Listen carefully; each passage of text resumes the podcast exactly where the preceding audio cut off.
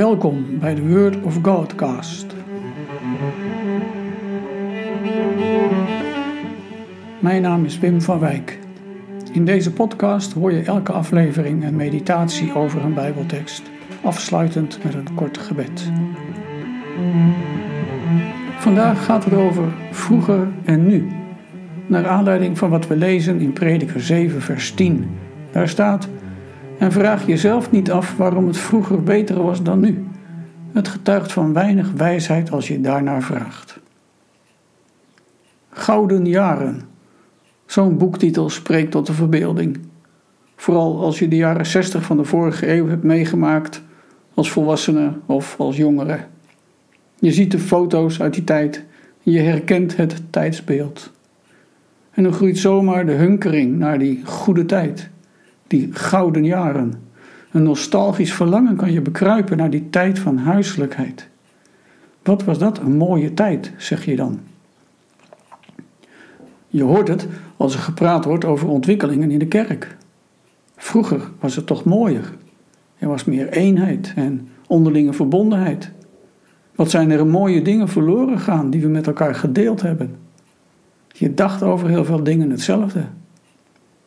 En de waarschuwingen voor achteropkomen in de genade werden door iedereen herkend en gedeeld. Dat kwam tot uitdrukking in het zogenaamde hellend vlakdenken.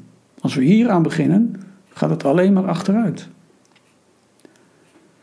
Weet je wat prediker hierover zou zeggen? Hij zegt: Mensen, kijk uit met zulke redeneringen. Het getuigt van weinig wijsheid als je je die vraag stelt: waarom was het vroeger beter dan nu? Die vraag stellen is onzinnig. Want het is maar de vraag of alles beter was dan nu. Vanuit het perspectief van prediker is het: er is niets nieuws onder de zon. Er is niet zonder meer een neergaande lijn. En hij waarschuwt voor een ongezonde nostalgie naar vroeger. Er treedt heel gemakkelijk vervalsing van het perspectief op. Ook toen, net als nu, was er sprake van een leegheid waar je sprakeloos van wordt. Waar kwamen toen de protestsongs dan vandaan? En de studentenrevoluties? En de peace and love beweging? Waren die niet een protest tegen de gezapigheid en de burgerlijkheid en de leegte?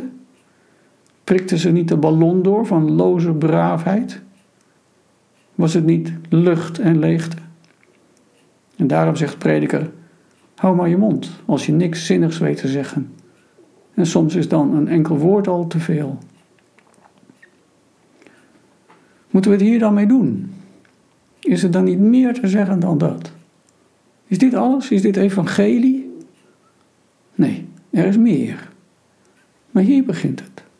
Verkijk je niet op vroeger alsof het toen beter was. Wie is wijs?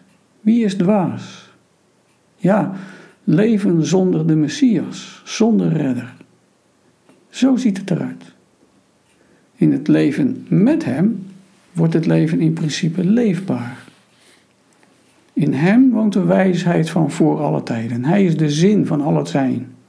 Spil en de zin van de geschiedenis van vroeger en van nu, ook van vandaag en van straks. Dit bestaan is door Hem in principe niet wanhopig meer. Hoeveel wanhoop er ook nog is. Die leefbaarheid is aanwezig in de knop en de hoop smeult en gloort. Mensen moeten vandaag vechten tegen de leegte van het bestaan. En mensen vechten om de zin te ontdekken of te ontlenen aan wat het leven biedt. De kerk en de cultuur moeten waken voor terugval. Maar als Jezus koning is, en dat is hij, dan is de geschiedenis van toen en nu zinvol. Ook al zie je misschien die zin niet altijd. En dan gaat het ook niet bergafwaarts.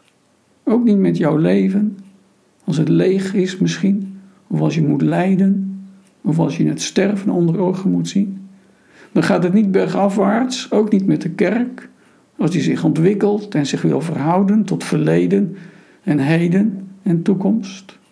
Want dan gaat alles zijn toekomst tegemoet. Een gouden tijd. Vraag hem over na te denken. Hoe denk jij over deze tijd en hoe ervaar je deze tijd? Heb je soms ook dat verlangen naar vroeger? Of ken je het verlangen naar straks, naar het koninkrijk van Jezus dat komt?